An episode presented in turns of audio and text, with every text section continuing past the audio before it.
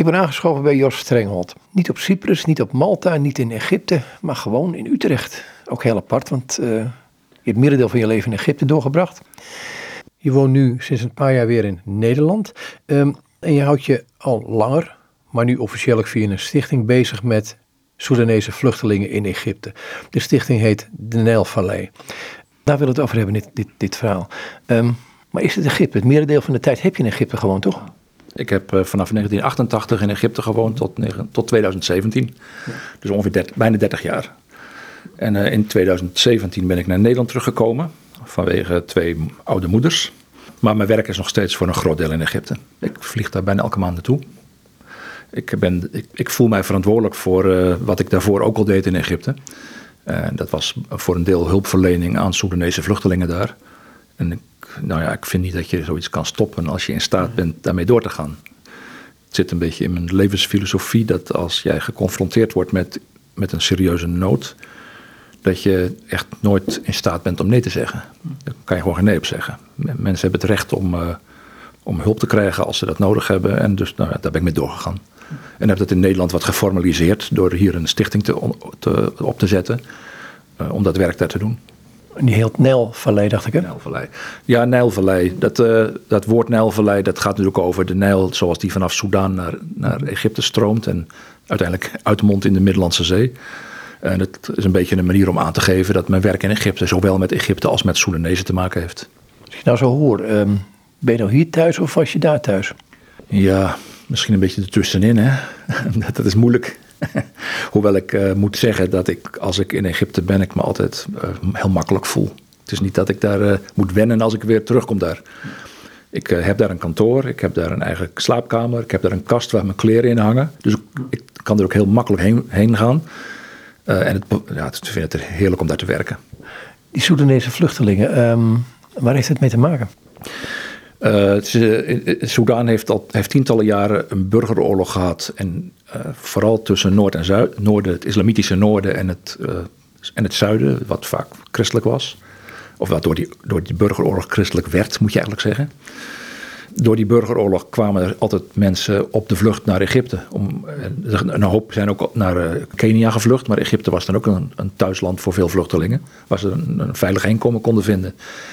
En heel veel vluchtelingen waar ik mee te maken kreeg, hadden, kwamen uit het Nuba-gebergte, uit de provincie, uh, uit de provincie Kordofan. En dat, dat zijn van huis uit al heel vaak christenen. Heel veel Anglikanen, waar ik toevallig ook bij hoor. Heel veel, uh, heel veel christenen uit het Nuba-gebergte. Nou ja, daar kwam ik in aanraking in Cairo. En ik heb, ik heb hulp verleend in het verleden en doe het nog. Maar kwamen ze dan automatisch naar jou, en want je bent Anglikaan, je bent ook voorganger, je priester daar in, in een Anglikaanse kerk, kwamen ze dan automatisch naar jou toe? Dachten van, hé, hey, daar zit, daar is een gelijkgestemde? Nou, de, Anglikaanse Soedanezen die naar Egypte vluchten, hebben wel de neiging om eerst naar hun eigen kerk te zoeken. En nou, ik, ik was uh, predikant daar in een Anglikaanse kerk. En onder mij, met mij werkte een Soedanese priester. En die trok veel Soedanezen. Uh, en in de jaren dat ik daar, in de zes jaar dat ik in een kerk werkte daar, groeide het aantal Soedanezen in onze kerk van 200 naar 1200. Dus ik werd geconfronteerd met meer dan duizend vluchtelingen waar ik me echt verantwoordelijk voor voelde. Uh, en er was verder heel weinig zorg voor die mensen. Ze, ze zoeken een baantje, ze, vaak heel, uh, vrij eenvoudig werk, dus slecht betaald. En als dan rampen die mensen troffen, vooral op het gebied van gezondheid, dan hadden ze vaak het geld niet om, om, uh, nou ja, om een operatie te krijgen of zo. Dus ik heb tegen mijn kerkleden gezegd: uh, we hebben een verbond met elkaar, we horen bij elkaar, we zijn één, één gemeenschap. Dus het is onacceptabel dat iemand van jullie vanwege geldgebrek ooit niet naar een dokter zou kunnen of naar een ziekenhuis. En dat, ja, dat voel ik zo nog voor die mensen. En daar zit je je voor in, nu hier in Nederland, om mensen gewoon zo ver te krijgen dat ze ja, gewoon doneren, uh, bidden en weet ik het allemaal meer. Want je hebt een website ook erover. Ja, kijk, web, natuurlijk, je moet als stichting al die dingen doen. Hè. Website is uh, nijlvallei.nl. En daar zie je ook dat we meer doen dan alleen maar medische hulp verlenen. Het is, we hebben veel meer projecten. We, we, doen ook aan voedselhulp. Maar we hebben ook wat meer constructieve dingen die langer duren. We, we, we zorgen, we, hebben een project voor, an, voor alfabetisering van Soedanese vrouwen. Door de burgeroorlog in Soedan konden die eigenlijk nooit naar school. En nu in Egypte kunnen, ze, kunnen die dames van 20 of 30 of 40 jaar oud eindelijk wat leren lezen en schrijven. Nou ja, zo jaarlijks een stuk of 50. En zo hebben we nog een aantal andere projecten. Verder ben ik ook bij de Koptische kerk betrokken, dus echt bij Egypte. Als kantoor zijn we verantwoordelijk voor een uh, project met de Koptisch-Orthodoxe kerk. Die Koptisch-Orthodoxe kerk heeft mij aangesteld om een opleiding op te zetten en te leiden op het gebied van vroege kerkstudies. Dus dat doe ik ook. En dat doe ik vanuit Nederland, maar ook in Egypte. En zo hebben we nog een, paar projecten. Kun je wat, wat van die mensen een gezicht geven? Gewoon, en, neem eens mee naar zo'n dienst bijvoorbeeld. Of het feit uh, hoe de mensen leven, het alledaagse leven. Want uh, Egypte is ver weg. Ja, dat snap ik. Uh, nou, mensen arriveren in Egypte vanuit Soudaan. Uh, hebben vaak hun laatste geld besteed aan een, aan de vlucht per vliegtuig. Of ze nemen de trein, dat kan ook. Maar het is een hele lange reis. Ze arriveren in Cairo en dan gaan ze eigenlijk linea recta naar, naar familieleden of kennissen die ze al in Egypte hebben, die hun zijn voorgegaan. En dan komen ze vaak eerst bij familie in een, in een heel klein flatje terecht. Echt minuscule flats in een, in een arme wijk. Uh, veel van die mensen die je kent, die komen uit een wijk die heet Kilo 4,5. Dat is de kilometerpaal 4,5 vanaf Cairo. Dat is een wijk die een beetje wordt uitgebaat door het Egyptische leger.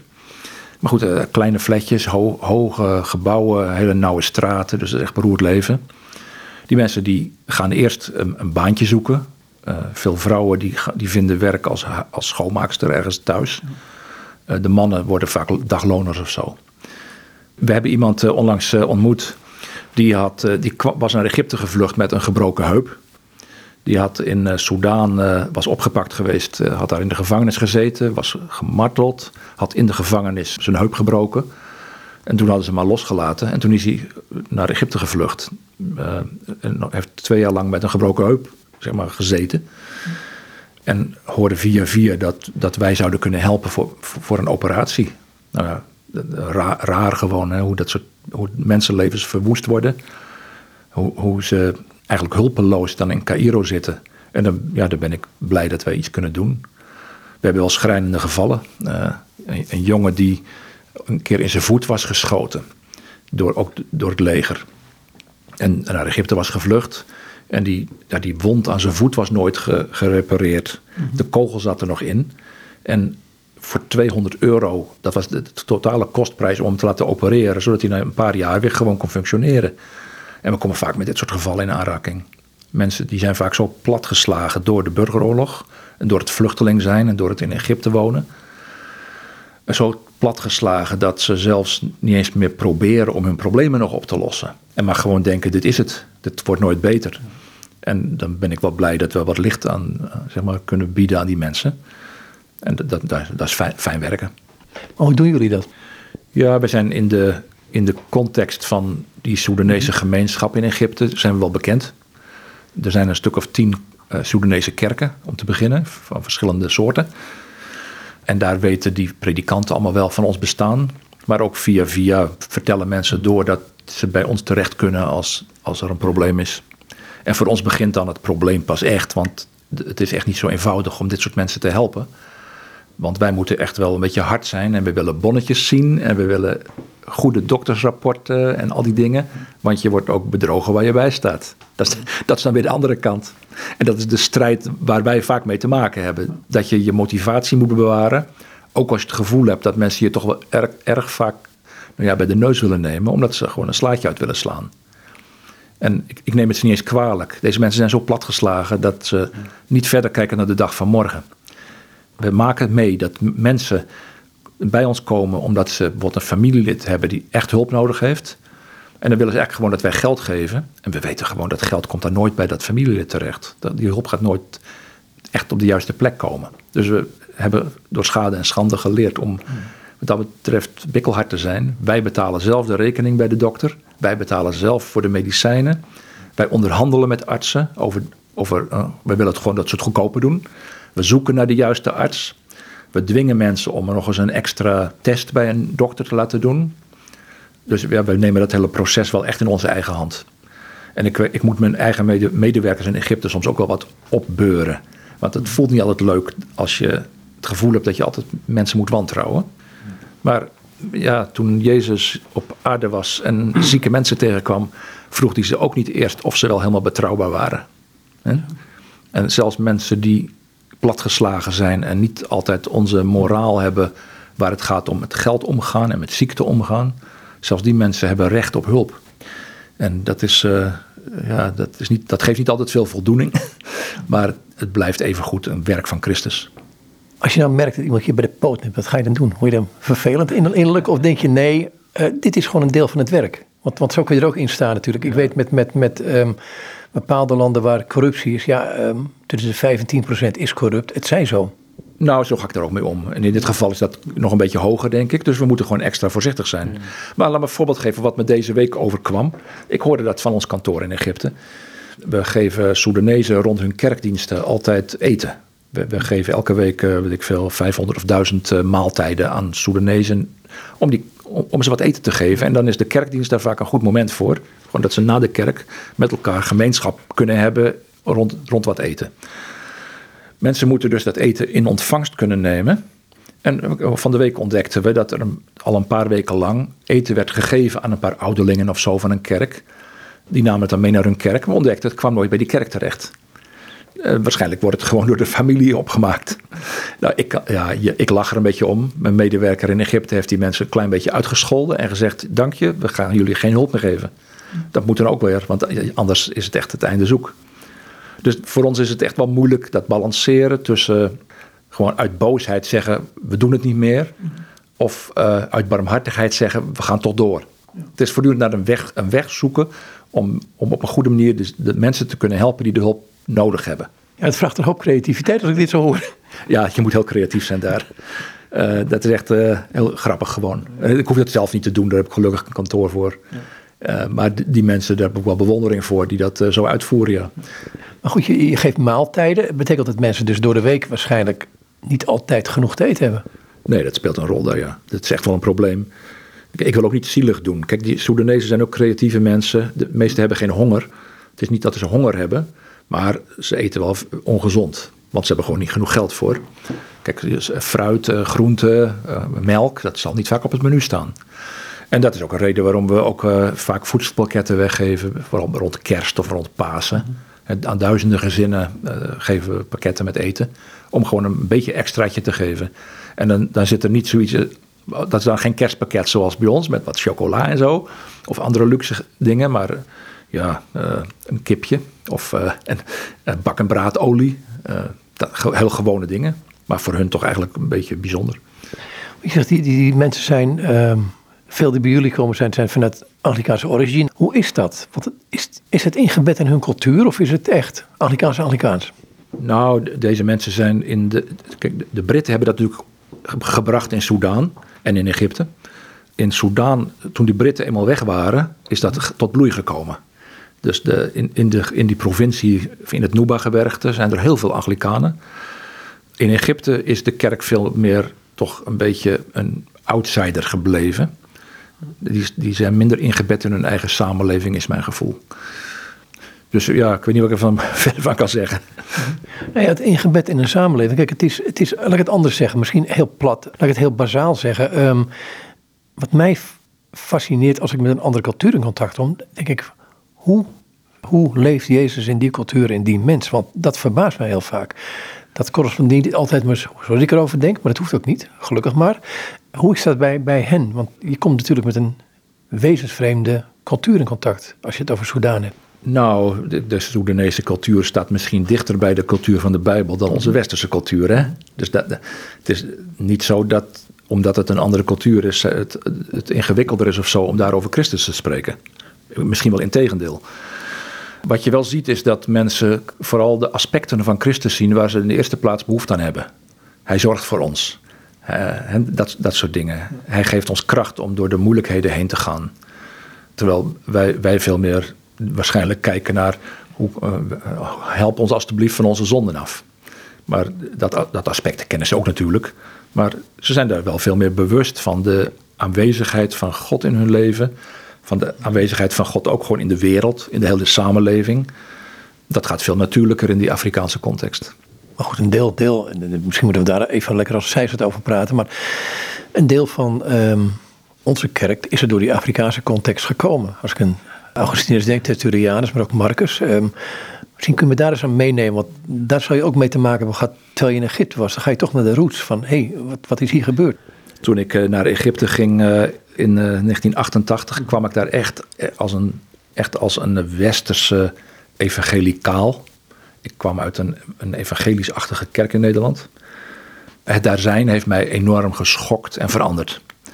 Het heeft me allerlei aspecten laten zien van het evangelie in, de, in de Bijbel. Waar, waar, je gewoon als westerling overheen leest. Bijvoorbeeld, een, een, simpel voorbeeld. We lezen in onze Bijbelvertalingen vaak dat Paulus zich richt tot u. Dan zegt hij u. Wij denken altijd dat hij dan bedoelt ik persoonlijk. Jij. De Bijbel als Gods liefdesbrief voor mij privé. Nou, het begon mij pas in Egypte, in, in die veel communalere context, te dagen. Dat de Bijbel ook geschreven is in zo'n communale cultuur, waarbij het gaat om de gemeenschap. God wil een volk vormen. Hij wil niet allemaal individuen in een knikkerzak, maar hij wil een volk vormen, één, één nieuwe mensheid. En dat heb ik echt wel van de Koptische kerk geleerd. En ook gewoon in, die, in de cultuur, ook van moslims kan je zeggen, heb ik dat geleerd. Die een hele andere kijk op de werkelijkheid. Waarbij het eerst gaat om de gemeenschap en dan pas om mezelf. In het Westen zien wij de individu als de norm van alle dingen. En de gemeenschap is dan een optelsom van alle mensen. Terwijl in het Midden-Oosten, en ik denk in de Bijbel ook, de individu eigenlijk een abstractie is. De, de, de mens alleen, ja, die bestaat helemaal niet. Ik, ben, ik besta niet zonder de, mijn netwerk van mensen, zonder alles wat ik heb meegemaakt in het verleden, zonder de familie waar ik bij hoor, zonder de kerk waar ik bij hoorde. Dus in, in de, ik denk in een bijbel, bijbelser context moet je beginnen met die gemeenschap. Zeg maar, met de kerk in zijn geheel. En niet met mij als gelovige privé. Nou, dat heeft mij enorm veranderd. Heeft zelfs mijn, mijn, mijn visie op dingen als de doop radicaal veranderd. Ik was een baptist en ik ben een kinderdoper geworden hierdoor. Door te zien dat het God gaat om die gemeenschap. En niet om elke individu en wat die, wat die individu privé gelooft. Het gaat in de eerste plaats om het horen bij. Maar dus het heeft op, mij enorme impact gehad. En het heeft voor mij ook gezorgd dat ik die commitment heb aan die gemeenschap waar ik mee te maken had in Egypte. Ik wil die mensen niet loslaten. Dat zal wel een keer moeten als ik te, oud en kreupel word. Maar voor het moment kan ik doen wat ik doe en dat doe ik dan met plezier. Maar goed, die, die roots die er ook zitten, want um, je bent, uh, nou ja, er zijn genoeg boeken hier, dus je, je, studeert nog steeds, je bent nog steeds aan het lezen en geïnteresseerd.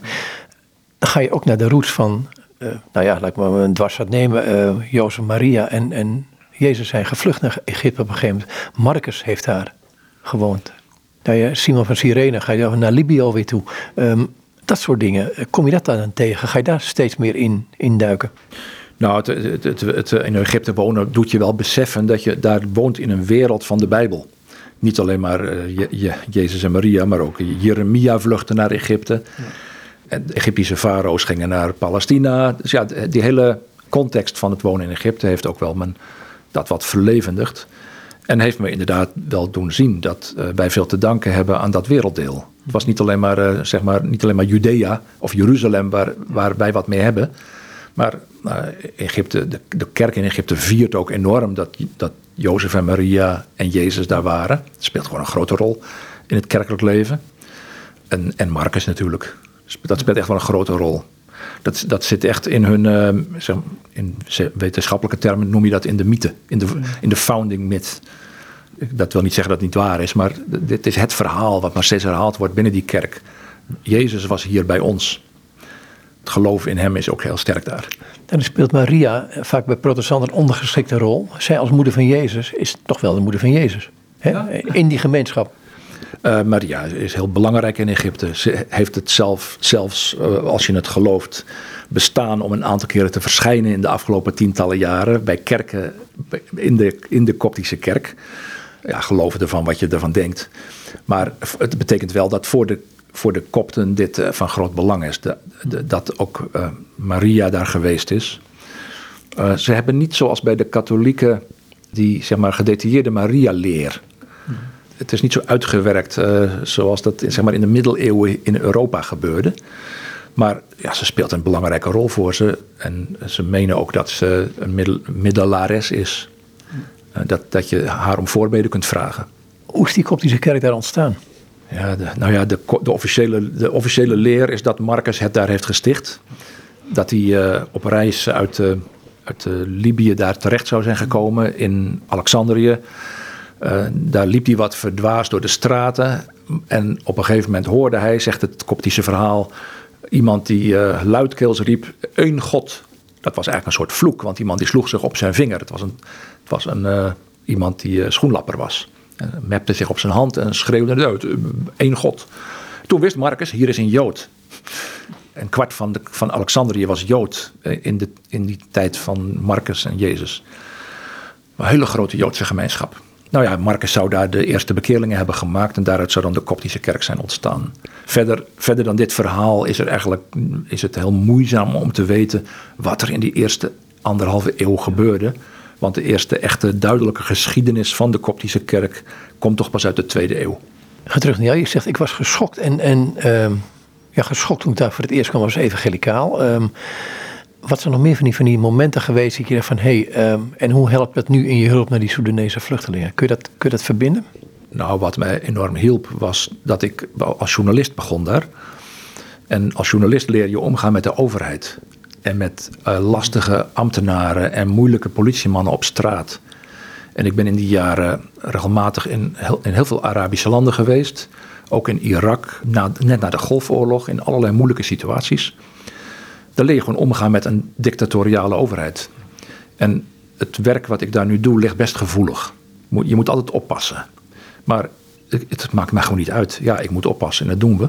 Maar uh, ik ben ook niet bang. En dat scheelt erg. Want als je bang bent in het werk wat je doet in zo'n land, ja, dan, dan, ga je vooral je richten op uh, vragen als hoe kan ik zorgen dat ik mijn visum bewaar en hoe kan ik zorgen dat ik niet in problemen met de overheid kom. Nou, die, die vraag, natuurlijk houdt dat me bezig. Natuurlijk doen we dingen volgens de wet. Maar het blijft uh, op je tenen lopen om, om niet in de problemen te komen. Want de Egyptische overheid die is erg gericht op het onderdrukken van elke vorm van grassroots zelfontwikkeling van mensen. Die willen gewoon niet dat er organisaties zijn die zich daar bemoeien met de ontwikkeling van mensen. Want het ligt gevoelig. Ze zijn al heel snel bang dat dat dan uh, mensen onafhankelijk van de hulp van de overheid zou kunnen maken. Of dat het een soort oppositie zou kunnen worden. Dus ja, het is een, het is een land met, een, uh, zijn, met zijn eigen soort uh, regering. En daar moet je rekening mee houden. Kan dat, kan dat werk nou zonder jou verder bestaan? Ja, dat, dat, daar ga ik wel van uit dat dat zou kunnen voorlopig denk ik dat dat niet zo makkelijk zou zijn. Want ik ben degene die voor de fondsen zorgt vanuit Nederland en Engeland. En ik moet ook zeggen, moet werk altijd doorgaan zonder de, zonder de persoon die dat doet. Ik, ik, weet, ik weet wel dat, dat dat is mooi. En je wil ook niet dat alles instort als je zelf stopt. Hè? Dat lijkt me heel vervelend. Maar ja, dingen gaan zoals ze gaan. Ik, ik zal mijn uiterste best doen om voor continuïteit te zorgen. Mhm. En het ik heb, ik heb een bestuur in Nederland dat verantwoordelijk is. Ik heb mensen in Egypte die weten wat ze doen.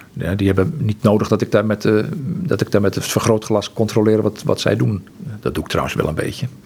Maar ze, ze kunnen ook zonder mij heel lang door. Kun je nog wat van die uh, Soedanezen waar je mee werkt uh, een gezicht geven? Maar ook, en daar bedoel ik ook een beetje mee in in de culturele setting waar ze zitten en hoe, hoe je daarmee omgaat. En, en hoe zij daar, want je zegt je, leert de vrouwen lezen en schrijven, wat al heel wat is als je twintig bent. Is al meer van die dingen tegenkomen. En hoe kunnen die mensen zich daar ontwikkelen en kunnen ze zich wel ontwikkelen? Nou, het, het is ontzettend ingewikkeld.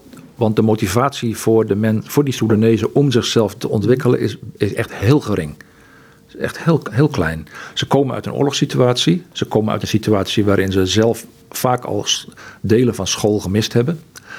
Ze zitten in Egypte eigenlijk te wachten en te hopen tot ze verder kunnen naar eh, een westers, westers land, wat ze als vluchteling willen opnemen. En dat gebeurt ook meestal wel, maar dat is wel een proces wat vaak wel vijf of tien jaar duurt. En dan zitten ze daar maar en het enige wat ze eigenlijk doen is wachten. Gewoon wachten. Dus om die mensen de motivatie te geven om wat zelf te gaan doen, is ongelooflijk moeilijk. En nogmaals, het is heel makkelijk om daar dan kritisch op te zijn. Uh, tegelijkertijd, ja, je, je zult maar in zo'n situatie zitten. Wat, wat, wat, wat, ik weet niet of ik meer gemotiveerd zou zijn om wat te doen. Als je in wezen gewoon hoopt dat je een keertje met je, het, het visum voor Canada of Finland of, uh, of uh, Nederland krijgt. Maar hoe, hoe zien zij zelf hun leven als zij naar hun leven kijken? Wat is de zingeving daar? Ja, de, de, de zingeving, de meeste die, met wie ik te maken heb, die hebben heel weinig zingeving de, de christenen die ik, waar ik mee te maken heb, ja, die, die krijgen, hebben houvast in hun geloof, uiteraard. Maar dat, is, dat wil niet zeggen dat ze daardoor op een, op een pad van activisme worden gezet. Of van laat ik mezelf nou eens gaan ontwikkelen. Het is meer dat ze bij de dag leven en zichzelf moeten. Ze zijn al lang blij als ze vandaag te eten hebben. Hè? En mensen in zo'n situatie uh, zijn ontzettend moeilijk. Uh, het is ontzettend moeilijk voor dat soort mensen om zichzelf te ontwikkelen. Er wordt wel, je hoort wel vaak die spreuk van je, je, moet mensen geen vis geven, maar een hengel. Dan denk ik altijd, ja, leuk joh. Maar als mensen honger hebben, dan willen ze eerst die vis hebben. En dan kan jij wel met verhalen komen over ontwikkelen. En je moet dit en dat en leren. Ja, de mensen die, die hebben vandaag niet te eten. En die zijn bezorgd, waar gaan hun kinderen naar school? Ik heb zelf geholpen met het opzetten van een school voor Soedanese kinderen. Ik ben een paar keer bij, scholen voor vluchtelingen daar betrokken geweest. En ja, dan, zie je hoe blij die mensen zijn dat er überhaupt een plek is waar hun kinderen naartoe kunnen. Want ook dat is gewoon een zorg. Al, die dingen zijn een zorg. De Egyptische overheid zorgt er niet voor. Uh, die vluchtelingen zoeken er maar uit. De, theoretisch zou United Nations moeten helpen in dit soort gevallen. Maar wat er dan gebeurt is zo marginaal. Daar komen die mensen nauwelijks mee vooruit. Ze worden dan ook nog vaak bedrogen door de tussenlagen tussen de Verenigde Naties en door die mensen zelf van organisaties die het geld moeten beheren. En het komt gewoon niet bij de, bij de Soedanese vluchtelingen terecht.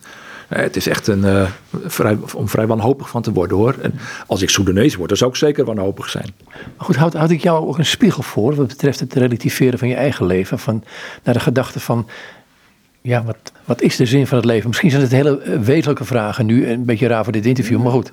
Nee, dat, helemaal niet. Het, uh, het zijn zeer wezenlijke dingen. In de, in de, momenteel in die periode van corona, waar we ons allemaal aan regeltjes moeten houden in Nederland, kan ik het, zou, ik zou heel empathisch moeten zijn naar alle mensen in Nederland toe. Maar ik heb altijd het gevoel, joh, waar maak je nou toch druk om in vredesnaam? Dat je s'avonds na negen de deur niet uit mag. Mijn hemel, zijn er echt geen belangrijke dingen om je over druk te maken? Mhm. Maar ik vind dat is niet eerlijk, want mensen hebben met hun eigen context hier te maken. En dan, dan is dat het ook. Dan, maar ja, ik zit elke maand in Egypte en dan kom je die misère tegen van, van die duizenden en duizenden en duizenden. Nou ja, dat, dus ik sta wel een beetje verknipt in het leven wat dat betreft. Mhm. En ik word wel erg bemoedigd door Matthäus 25. Dat gedeelte waar Jezus tegen, ze, dus, tegen de mensen zegt dat hè, als, je, als je voor Gods troon verschijnt, dan zal God zeggen: eh, Welkom, want je, je hebt goed gedaan, want je hebt hongerigen eten gegeven en je hebt de zieken genezen en je hebt mensen in de gevangenis bezocht. Ja, dat zijn blijkbaar dingen die van urgent belang zijn voor Christus. Nou zegt hij dat denk ik niet zomaar. Het gaat niet over noodhulp waar hij het over heeft. Hij heeft het over, denk ik, over naast je broeders en zusters staan die verdrukt worden. Maar goed, dat, dat zijn wel die mensen waar ik mee te maken heb in Egypte. En vandaar dat die tekst eh, uit Matthäus 25 me erg aanspreekt. Dat je werkelijk, als je een arme helpt, als je iemand eten geeft die het zelf niet heeft, dat je Christus eten geeft. Zo ziet hij dat. Want hij vereenzelvigt zich met die mens. Hij is die mens voor mij op dat moment.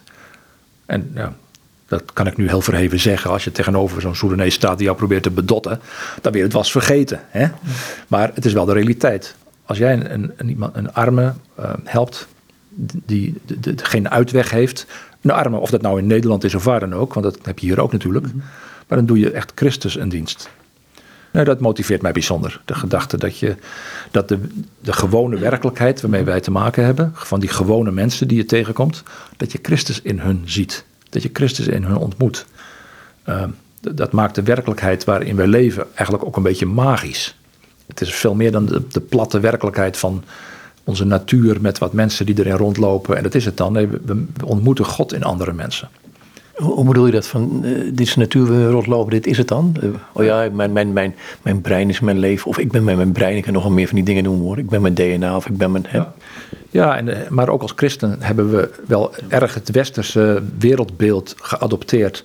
Dat de, de gewone dingen om ons heen niet zo belangrijk zijn. Dat, dat je een eitje bakt, bijvoorbeeld. Of koffie, koffie maakt voor iemand. Of dat je de was doet. Of dat je al die gewone dingen, dat je een boek leest. Maar ook in, het, ook in al die gewone dingen van, het, van alle dag kun je Christus ontmoeten.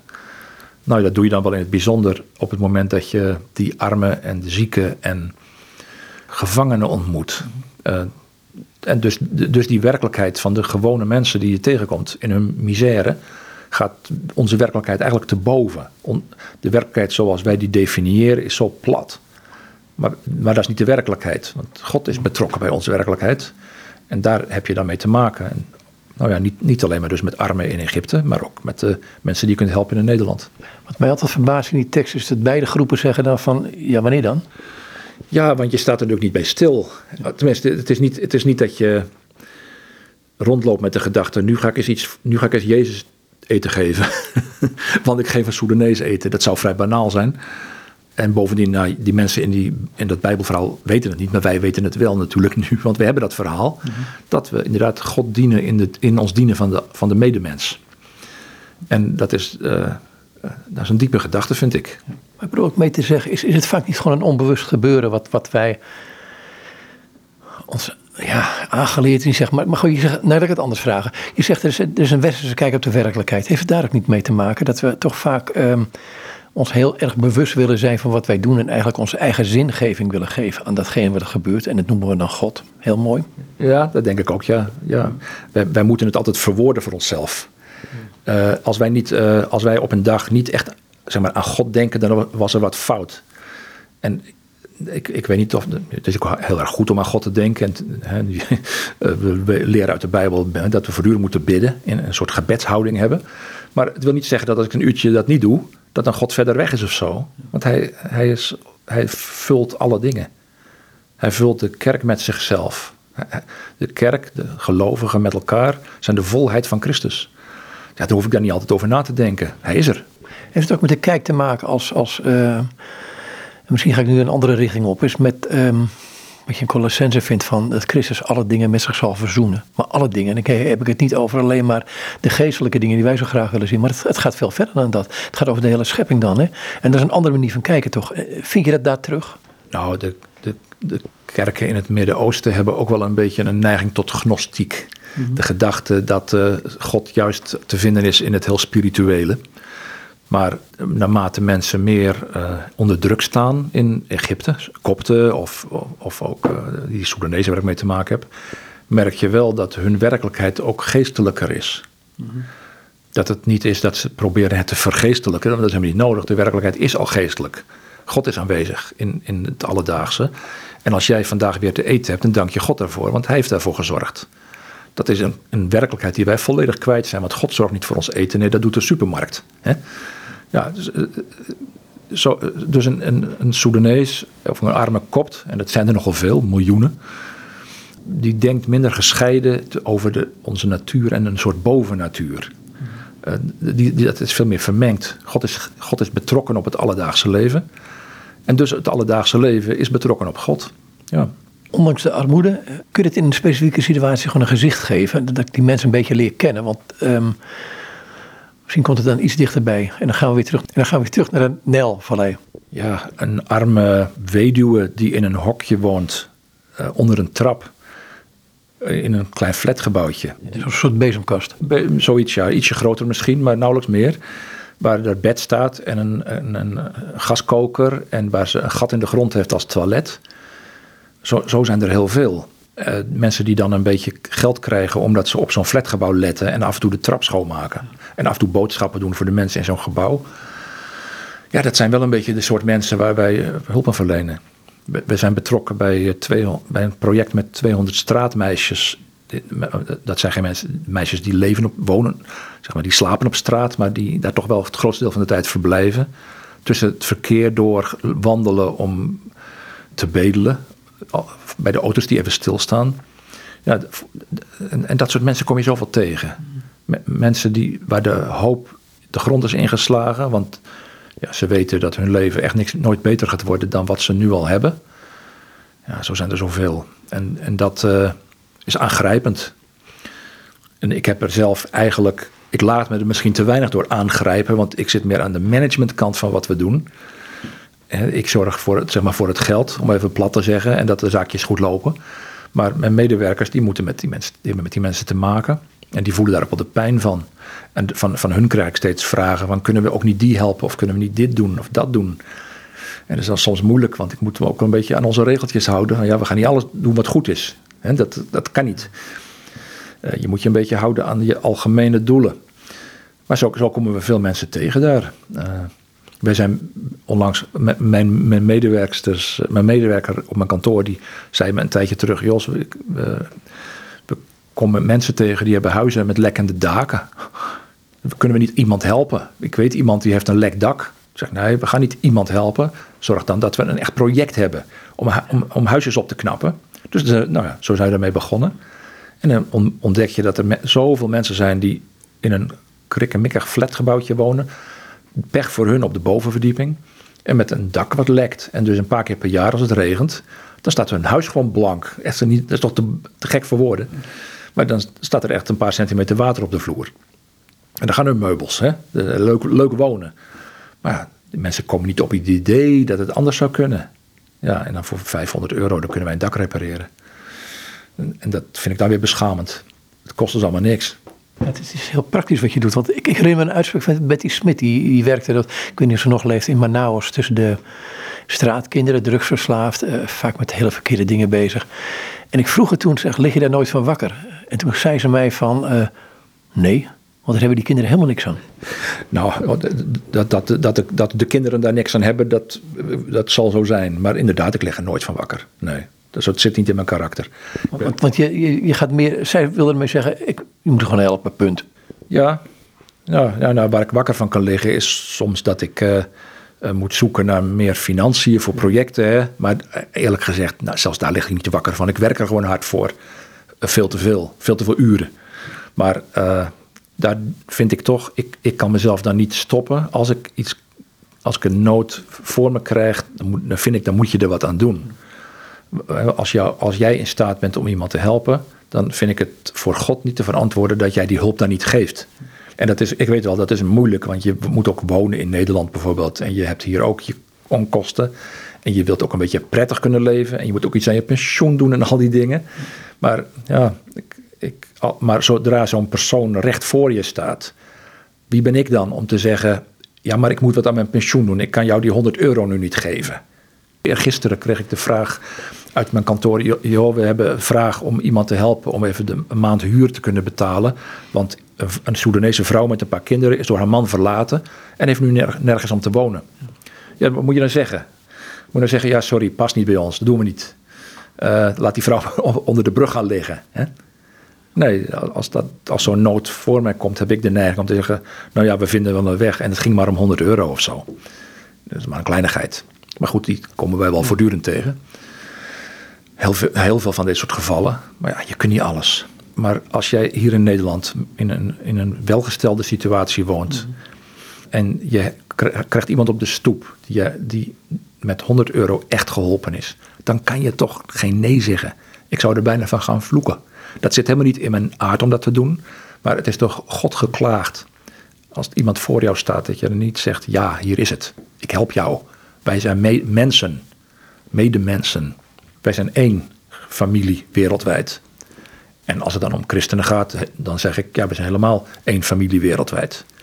Als een broeder of zuster, als, een, als het mijn broer of zus hier in Nederland is, dan zeg ik ook geen nee. Nou ja, als het mijn broer of zus uit Soudaan of Egypte is, zeg ik ook geen nee. Wat zijn die momenten van hoop voor jou geweest, of nog steeds, eh, als je naar die Soedanese gemeenschap kijkt die zo in nood is, die vluchtelingen? Mijn hoop zit niet in het, zeg maar, in het grote plaatje, mhm. want het is vrij tragisch en ik besef best dat je, dat je de grote bewegingen in de geschiedenis niet zomaar tegen kunt werken. Mhm. We hebben met een vluchtelingenprobleem te maken. Of in Egypte met de kopt hebben we te maken met een probleem van een minderheid in een islamitisch land en een minderheid ook nog in een arm land.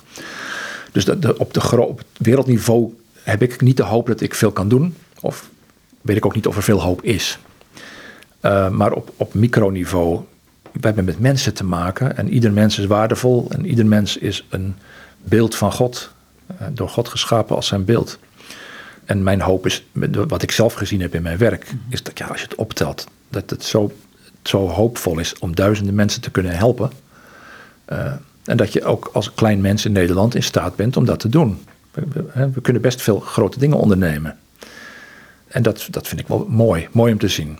En ook eh, wat, ik, ben nog niet oud genoeg om op mijn leven terug te gaan kijken. Maar ik, dat is wel waar ik op terug wil kijken, uiteindelijk. Op het, van wat heb je betekend in het leven van anderen. Op wereldniveau, op grote schaal. Ja, mijn, onze hoop is op Christus die alle dingen gaat nieuw maken. Dan gaat hij ook de schepping herscheppen. En dan gaat hij ook de mensheid herscheppen. En alles wat fout is gegaan met al die Soedanezen en met die kopten, gaat dan toch weer goed komen. Dat is een mooi vooruitzicht. Maar goed, een deel van de vraag was ook, zie je die hoop ook in de mensen die je helpt? Dat je op een gegeven moment van die sprankjes krijgt van verrek, hier doe ik het om. En dan heb ik het niet over het feit dat je een keer een lekker dak uh, maakt. Tuurlijk, uh, we, we, zien heel veel mensen die, uh, waar het leven omge om, omgekeerd raakt doordat we kleinschalige hulp hebben kunnen bieden. Iemand die weer kan werken omdat hij gewoon weer genezen is van een, van een wond. Of iemand die weer, ik noemde het voorbeeld, uh, iemand die een gebroken heup heeft en daardoor nooit kon werken, maar nu weer gewoon een baantje kan zoeken. Onlangs gaven we iemand een kunstarm. Door een granaataanval van Soedanese soldaten was hij zijn arm kwijtgeraakt in Soedan. En hij was nu zo blij dat hij weer gewoon uh, zijn eigen kleren kan strijken. En dat hij weer een net pak aan kan doen. Want het lijkt net alsof hij een gewone arm heeft. En hij, hij zei letterlijk dat hij uh, uh, weer hoop heeft. Omdat hij nu zich weer een compleet mens voelt. Terwijl ik dacht, nou, ik vond het geen mooie kunstarm. Ik vond het er niet uitzien. Wij zouden in Nederland een veel duurdere kunstarm krijgen. Veel mooier. Maar hij was dolgelukkig. Dat, hij voelde zich weer compleet. Nou ja dat, ja, dat is heel hoopgevend. Dat, je, dat mensen ook die ommekeer kunnen maken. Maar dat had hij twee jaar geleden, of een jaar geleden, niet verwacht dat het nog mogelijk was. Toen had hij de hoop lang opgegeven. Dus ook mensen die helemaal hopeloos zijn, geen hoop hebben, kunnen door een klein, kleinigheid weer omkeren. En, en uh, ja, dat vind ik bemoedigend. Maar ik ben persoonlijk, die vragen weer, nou, moet je nou stellen natuurlijk. Persoonlijk maakt het me eigenlijk niet, niet eens zoveel uit. Ja, ik vind het fijn voor hem. Maar ik ben alweer met de volgende bezig. En uh, met, het, met het werk gewoon. Ik vind het een prachtig verhaal. En het zijn de krenten in de pap die mij stimuleren. Maar ik, ja, het is niet dat ik nou heel erg rondloop met wat heb ik toch fijn geholpen. Zo zit ik niet in elkaar. Nee, dat zou mijn vraag ook niet zijn, die persoonlijke vraag. Mijn vraag zou meer zijn van tweeledig. Eens zijn we toch iets wat verwend hier in het Westen. En weet ik dat hier ook de nodige kommer en kwel is. En hebben we nog een oog voor het kleine, wat zo groot kan zijn. Uh, verwend, ja. ja. Jij woont hier langer dan ik. Uh, ik, ik. Ik denk wel, ik weet niet of je het verwend moet noemen. We leven in een wereld waar we het geweldig hebben. We het geweldig hebben. Ik, denk dat, ik merk wel dat vooral de wat jongeren uh, wel vergeten zijn waaruit we kwamen. Ik herinner me als klein kind in een flatje te wonen in Beverwijk bij mijn ouders. En als ik daar de foto's van zie en ook wat mijn herinneringen me zeggen. Dat was begin jaren zestig. Toen hadden wij het ook best armoedig in Nederland. Ik heb tweedehands kleren gehad. En, en wat had je nou voor een eden? Ja. Ik bedoel, het was ook vrij eenzijdig over het algemeen. Ja, ja, ja. De, de jaren, tot en met de jaren zestig was het echt wel ook eenvoudig in Nederland. De Tweede Wereldoorlog zat er nog in. En, maar daarna is het eigenlijk alleen maar mooier en mooier en mooier geworden. En ik denk wel dat we daardoor inderdaad het gevoel hebben dat de bomen tot in de hemel groeien. En dat dan een kleinigheid als een COVID-crisis ons helemaal van de kaart brengt. Dat een jaartje wat gedoe. En ik wil niet, ik wil niet bagatelliseren, want de, ik vind de ziekte erg genoeg. En als het je treft, is het erg. Maar dat je dan in de samenleving je moet aanpassen. Terecht of onterecht, dat is niet eens de vraag. Maar dat je je moet aanpassen. Mijn hemel, is dat nou zo erg? Is het nou zo erg? Ik denk dat het inderdaad een vorm is van verwenning hoor. We zijn gewoon gewend. En, en ik neem dat niemand kwalijk, want het geldt voor mezelf ook. Maar we zijn gewend door de media en door de toenemende groei van onze economie. Dat als ik iets wil hebben, ik het gewoon kan hebben nu. En het wordt je in de reclame voortdurend verteld. Als jij vandaag deze auto wil, dan kan jij vandaag die auto krijgen. Gewoon een lening nemen. Geen probleem. En zo zitten we helemaal in elkaar nu. We denken allemaal dat, het, dat het een recht is ook. We hebben het recht om vandaag te hebben wat wij vandaag willen. Is, is het dan zo dat welvaart toch op een bepaalde manier afstomt? En hoe hou je nou wel zicht op datgene waar je zicht op moet houden?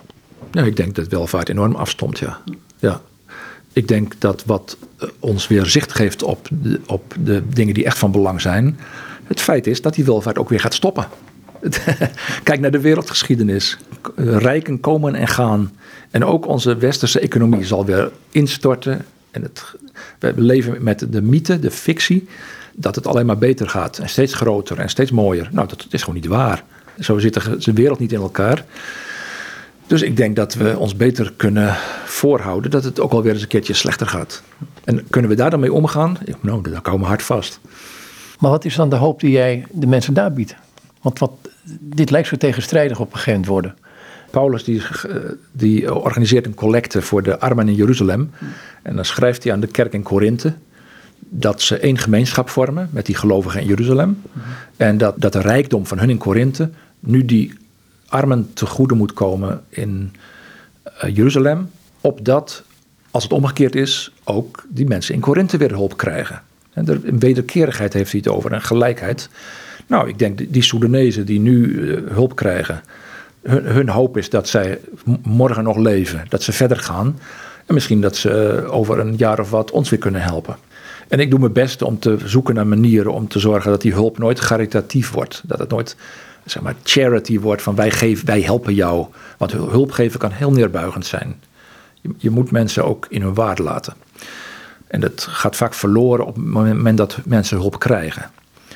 Ja, nee, de hoop, de hoop die mensen geven is toch ten diepste dat, dat Christus voor ze zorgt.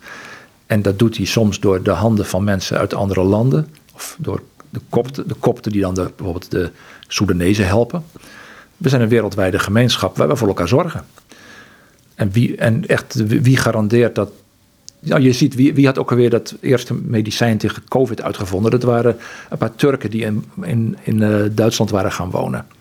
Nou, dat vind ik, vond ik een prachtig voorbeeld. Hun ouders waren, of, of zij zelf was misschien een keer als vluchteling gekomen. Zo helpen zij weer. En zo zit de wereld in elkaar. En die Soedanezen die nu geholpen worden door ons. Misschien zit er een arts in die over een, een, jaar of wat iets heel bijzonders doet voor de wereld. We weten het gewoon niet. Daar moet je ook niet over speculeren. Uh, maar we, we, zijn als wereld één groot geïntegreerd geheel. En wij helpen hun nu vandaag. En morgen hebben zij wat voor ons.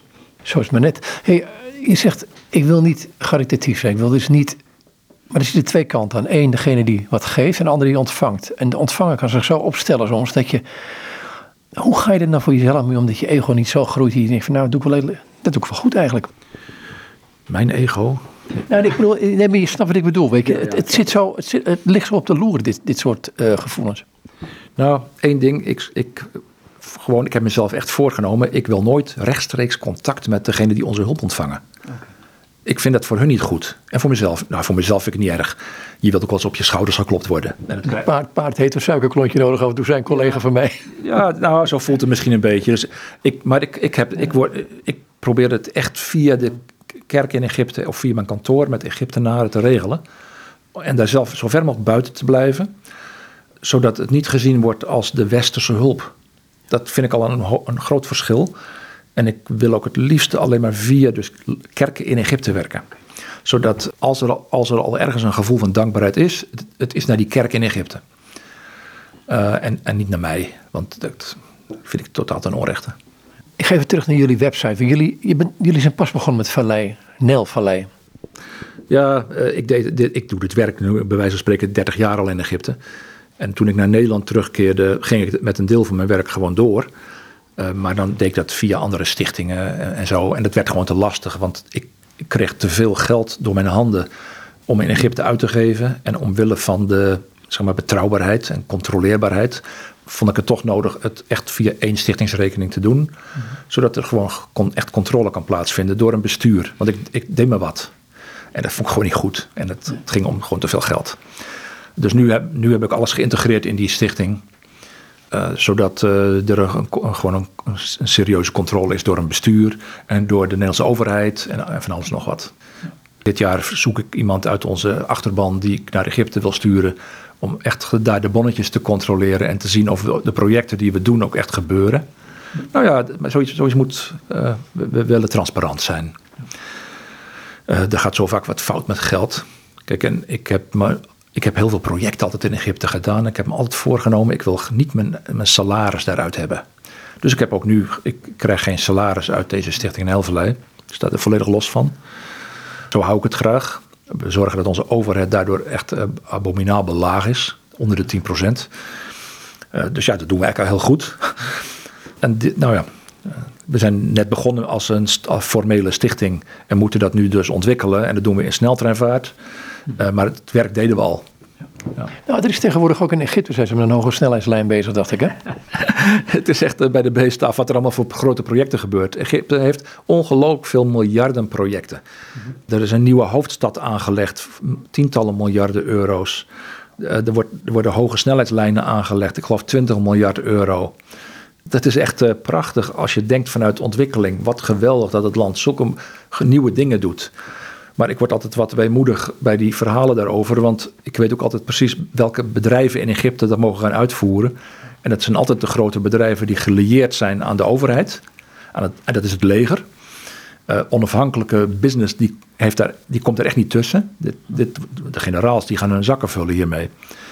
Ja, en, ja het is niet anders. Uh, er, er moeten overal leningen voor worden gesloten die naar de verre toekomst worden verschoven. Leningen van bijvoorbeeld China, die heel veel geld weggeeft in Egypte. En ook zelf heel veel projectmanagement nu doet. Uh, dus ja, die, die, het kolonialisme van het Westen is wel voorbij in het Midden-Oosten. Een beetje. Maar China is het wel hard aan het overnemen nu. Op kousenvoeten hoor ik altijd. Ja, want China die zeurt tenminste niet over dictaturen of, en, en dat soort dingen. Maar die geven gewoon geld en die zorgen uiteindelijk dat, ze, dat, dat landen als Egypte zo in de schulden komen dat als China behoefte heeft aan grondstoffen, dat China ze krijgt. Ja. ja, het Westen weet er ook alles van volgens mij op dit moment. um, die Nijlvalleien, je hebt er ook een club van 100 willen jullie daar. Eh, ja, het verbaast mij een beetje, want, maar goed, uh, vertel. Ja, club, ik dacht eerst, we moeten een club van duizend doen. Ja, meteen zo groot, hè? precies, we zijn heel bescheiden. Ja, ik, kijk, we, zijn een heel kleine stichting. En in Egypte hebben we een heel klein kantoortje met een paar mensen. En ik dacht, ik wil, eigenlijk wil ik voldoende ondersteuning vinden om eigenlijk die kantoorkosten gewoon te kunnen betalen zonder, zonder stress. Ik, ik heb ook heel veel fondsen geworven altijd door de jaren heen. Ik heb grote, grote bedrijven, groot bedrijf gehad in Egypte, waar, we, waar ik elk jaar miljoenen euro voor elkaar moest scharrelen. Je bent toch ook filmproducer geweest in die tijd? Herinner ik me van Set 7 en dat soort dingen? Ja ja. ja, ja. Nou ja, daar ging heel veel geld in om. Mm. En dan leer je dat als je bepaalde projecten doet, dat het geld echt voor het oprapen ligt. als je projecten gaat doen voor, voor weeshuizen of zielige meisjes, nou, dan komt het geld wel, echt waar. Maar ik dacht, ja, maar ik wil niet gedwongen worden om dat soort projecten te gaan doen. Simpelweg omdat ik daarmee mijn kantoorkosten goed kan betalen. Dus ik dacht, weet je wat, om, om wat onafhankelijker te zijn in het kiezen van de projecten waar we steun aan geven. En om die echt te kunnen accepteren omdat het belangrijk is. En niet omdat het geld oplevert van donors. Om dat voor elkaar te krijgen ga ik zoeken naar 100 mensen in Nederland die elk 20 euro per maand willen geven. Dat gaat dus om 2000 euro per maand, waarmee ik al mijn vaste kosten gewoon betaald heb. En ik dus heel onafhankelijk kan zijn in het kiezen van de juiste projecten. En daar ben ik mee bezig. Nou ja, ik ben er net mee begonnen. Eh, we zijn in uh, oktober of november begonnen met, uh, met die 100 mensen zoeken. En we zitten nu op ongeveer uh, 45 procent. Dat is niet slecht. En we zoeken er nog, nog een stuk of 60. Tot slot. Kijk, je hoort heel veel dingen als ook... Um je hebt met, met je medebroeders en zusters te maken. Wat is de rol van gebed in deze? Heeft dat waarde of zeg je nou liever het geld? ja, nee, gebed, is ook heel veel van waarde. Uh, het is wat lastiger te organiseren en lastiger te meten. Maar uiteraard is een onderdeel van, wat, van onze bedoelingen als stichting ook om voor het werk wat te doen, gebed te genereren. Maar dat is lastig, want dan moet je voortdurend met gebedspunten komen en dat wil ik ook. Uh, maar we hebben natuurlijk ook wel vaak met vertrouwelijkheid te maken. Dus ik kan wel allemaal heel, heel algemene gebedspunten geven. En ik moet een weg, een weg gaan zoeken hierin. Maar uh, ik ga niet de, de mensen die uh, wij hulp bieden zomaar allemaal zeg maar, de naam en toenaam geven. En we hebben ook heel veel echt wel gevoelige projecten waar ik gewoon niet over kan praten. Mhm. En ook niet over wil praten. Dus het is, het is wat lastig op dit vlak. Uh, maar zeker, we hebben dringend gebed nodig. En niet eens wij, maar de mensen, de mensen die wij dienen, die hebben dat nodig. Want die zitten in de problemen. Als mijn, als mijn werk, als mijn stichting valikant fout loopt, ja, dan trap ik mezelf tegen de kop en dan schop ik tegen de muur. Maar dan maakt het voor mij persoonlijk eigenlijk verder niet uit. Ik heb mijn natje en mijn droogje wel. Maar dus ik doe mijn werk voor die mensen en daarvoor is gebed nodig. En ons nog één keer de website en wat we erop zien en dan hou ik het erbij, hou ik ermee op. www.nijlvallei.nl Dat is het. Dank u wel. En daar is het nodig op te lezen. Hey, dank je voor dit gesprek. Graag gedaan, het was leuk je te zien. Goed, en dit zei Jos Strenghold en hij is verbonden aan Nijlvallei, een hulpverleningsproject in Egypte en dan vooral naar de Soedanese vluchtelingen toe.